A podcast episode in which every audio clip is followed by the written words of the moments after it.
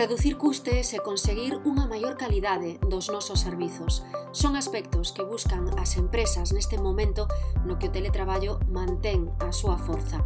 Hoxe falamos das ferramentas colaborativas e tamén de produtos financeiros como o renting e o leasing.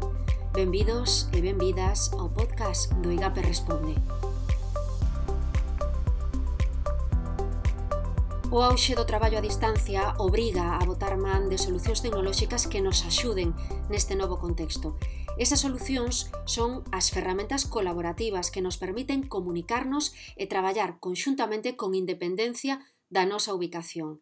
Iago Vara, do IGAPE Responde, detalla os motivos polos que a nosa compañía necesita botar man das ferramentas colaborativas. Por tres principales razones. El ahorro de costes, eh, porque nos van a permitir trabajar pues con equipos de todo el mundo sin, necesidad de viajar, porque va a impulsar nuestro negocio, eh, ya que facilita la gestión global de la información con mayor rapidez cuando y donde sea, y porque vamos a tener un aumento de la productividad de nuestros empleados, porque eh, permiten compartir el contenido del ordenador en tiempo real y evitas el, intercambio de, correos, de llamadas y bueno, de tiempo que pierdes en, cosas, eh, en tareas secundarias.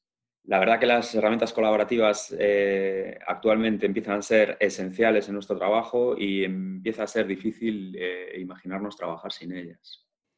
Pois unha desas ferramentas colaborativas é Microsoft 365, que nos permite compartir en tempo real documentos de Word ou de Excel, por exemplo, pero que, ademais, incorpora outros aspectos adicionais como, por exemplo, a mensaxería instantánea, o almacenamento na nube ou os calendarios. Estas son as vantaxas de Microsoft 365 tiene unas interfaces muy intuitivas. Eh, a día de hoy eh, es complicado encontrar a gente que no haya trabajado nunca con una herramienta de Microsoft.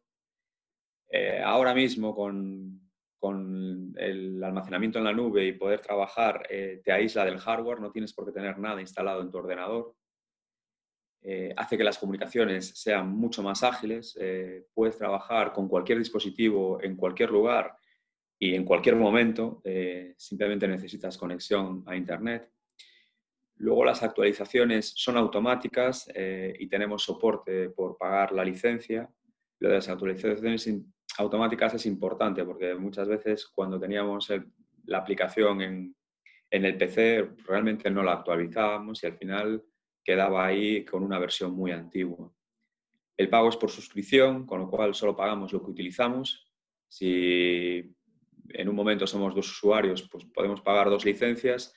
Si subimos por lo que sea cinco, pagamos las cinco licencias, pero si al mes siguiente eh, reducimos plantilla y somos tres, pues pagamos tres licencias la interconexión y trabajo en equipo, o sea, realmente todas las herramientas están interconexionadas entre sí, con lo cual nos facilita el trabajo en equipo, porque yo puedo estar trabajando con un Word haciendo un documento eh, y lo puedo enviar por Teams y todo eso es nativo y tiene, pues eso, herramientas colaborativas. Precisamente Microsoft Teams é unha plataforma de comunicación e colaboración que combina almacenamento de arquivos, chats e reunión a través de vídeos. Esta ferramenta é unha das que reúne as mellores capacidades do paquete de Office. Teams facilita la creación de espacios dedicados para que los equipos de proyectos, unidades de negocio equipos de trabajo y otros grupos eh, se comuniquen y colaboren. Al crear un equipo, tú asignas los usuarios y entonces puedes tener eh, salas de chat, eh, grupos privados que se llaman canales para planificar, administrar y entregar el trabajo. Cada equipo puede configurar múltiples canales eh, para mantener los temas de discusión enfocados y organizados. Eh, podríamos tener un equipo que es un departamento, por ejemplo, el departamento de, sistemas, el departamento de informática de una empresa, y podríamos crear canales para que, eh, por ejemplo, la gente que se dedique a software tenga un canal de comunicación y la gente que se dedica, por ejemplo, a temas de red tenga otro canal. Con lo cual, en ese equipo tendríamos conversaciones grupales de todo el equipo y luego, eh, digamos, más sectoriales por, por, la parte del departamento, porque a mí a lo mejor estoy eso, en la parte de software y no me interesan determinadas conversaciones. pois se o teu negocio necesita asesoramento para poñer en marcha algunha destas ferramentas colaborativas e aforrar custes, só tes que realizar a túa solicitude a través da nosa páxina web responde.igape.es. Debes dirixirte ao apartado de solicitar, cubrir ese formulario, darlle a enviar, en pouco tempo ímonos poñer en contacto contigo para ver como podemos axudarche. E, ademais das ferramentas colaborativas, esta semana eh, tamén falamos en no IGAPE Responde de dúas opcións de financiamento que pode ter o teu negocio. A primeira delas é o leasing, un sistema de arrendamento que ten unha peculiaridade e é que prevé a opción de compra. Así o explica Rafael Martínez Carrasco, o coordinador do ámbito financeiro do IGAPE Responde. Bueno, el leasing es un sistema de arrendamiento arrendamiento de bienes, esencialmente de equipo, como coches, maquinarias, incluso inmuebles, mediante un contrato con una entidad financiera. Tiene que ser una entidad financiera. Hay unos avales que se presentan en el Banco de España y por tanto tiene la característica de entidad financiera. Y es un contrato en el que se prevé la opción de compra. Al finalizar los pagos eh, acordados, preestablecidos, durante la vida del contrato.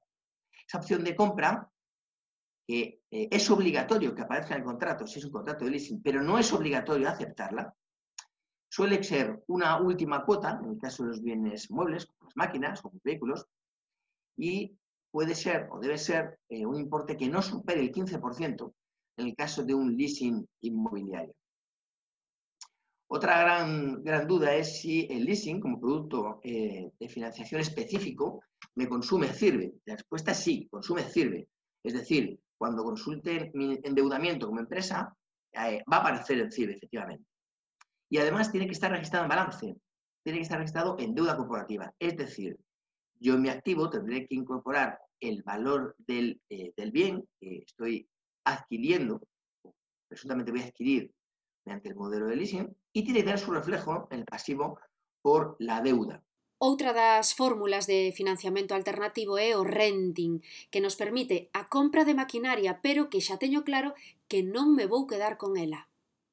¿Qué es el renting? Bueno, el renting es un sistema de arrendamiento de bienes a largo plazo y supone una buena opción de financiación, porque en realidad cubre otras partidas como la instalación, como el seguro, como reparaciones, como incluso la retirada de los equipos, y lo que hago es linealizar el coste de estas partidas adicionales de actividad no permite adquirir bien. Por tanto, es una fórmula de financiación para compra de bienes que estén vinculados a renovación tecnológica, a innovación tecnológica, y por tanto, yo tengo claro que no me los voy a quedar.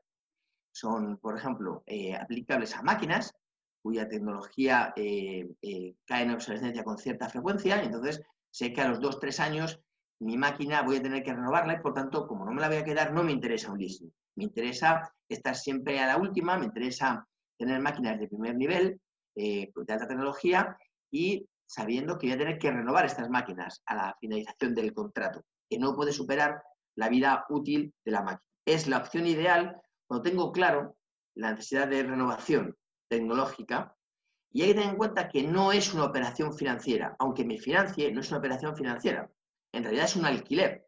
Por tanto, no se contabiliza en el pasivo. Pois a través do IGAP Responde tamén podes recibir asesoramento gratuito neste ámbito financeiro. Concretamente, eh, temos ata 4 medidas eh, diferentes que se poden implementar a través eh, deste ámbito.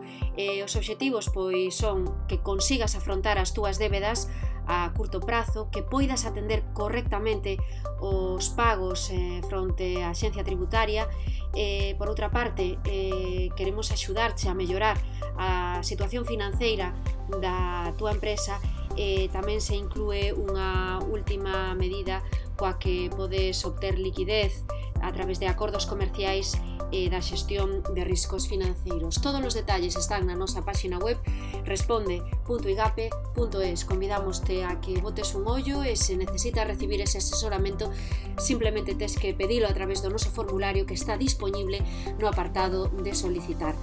Ata aquí chega o resumo semanal do IGAPE Responde. Moitas grazas por escoitarnos.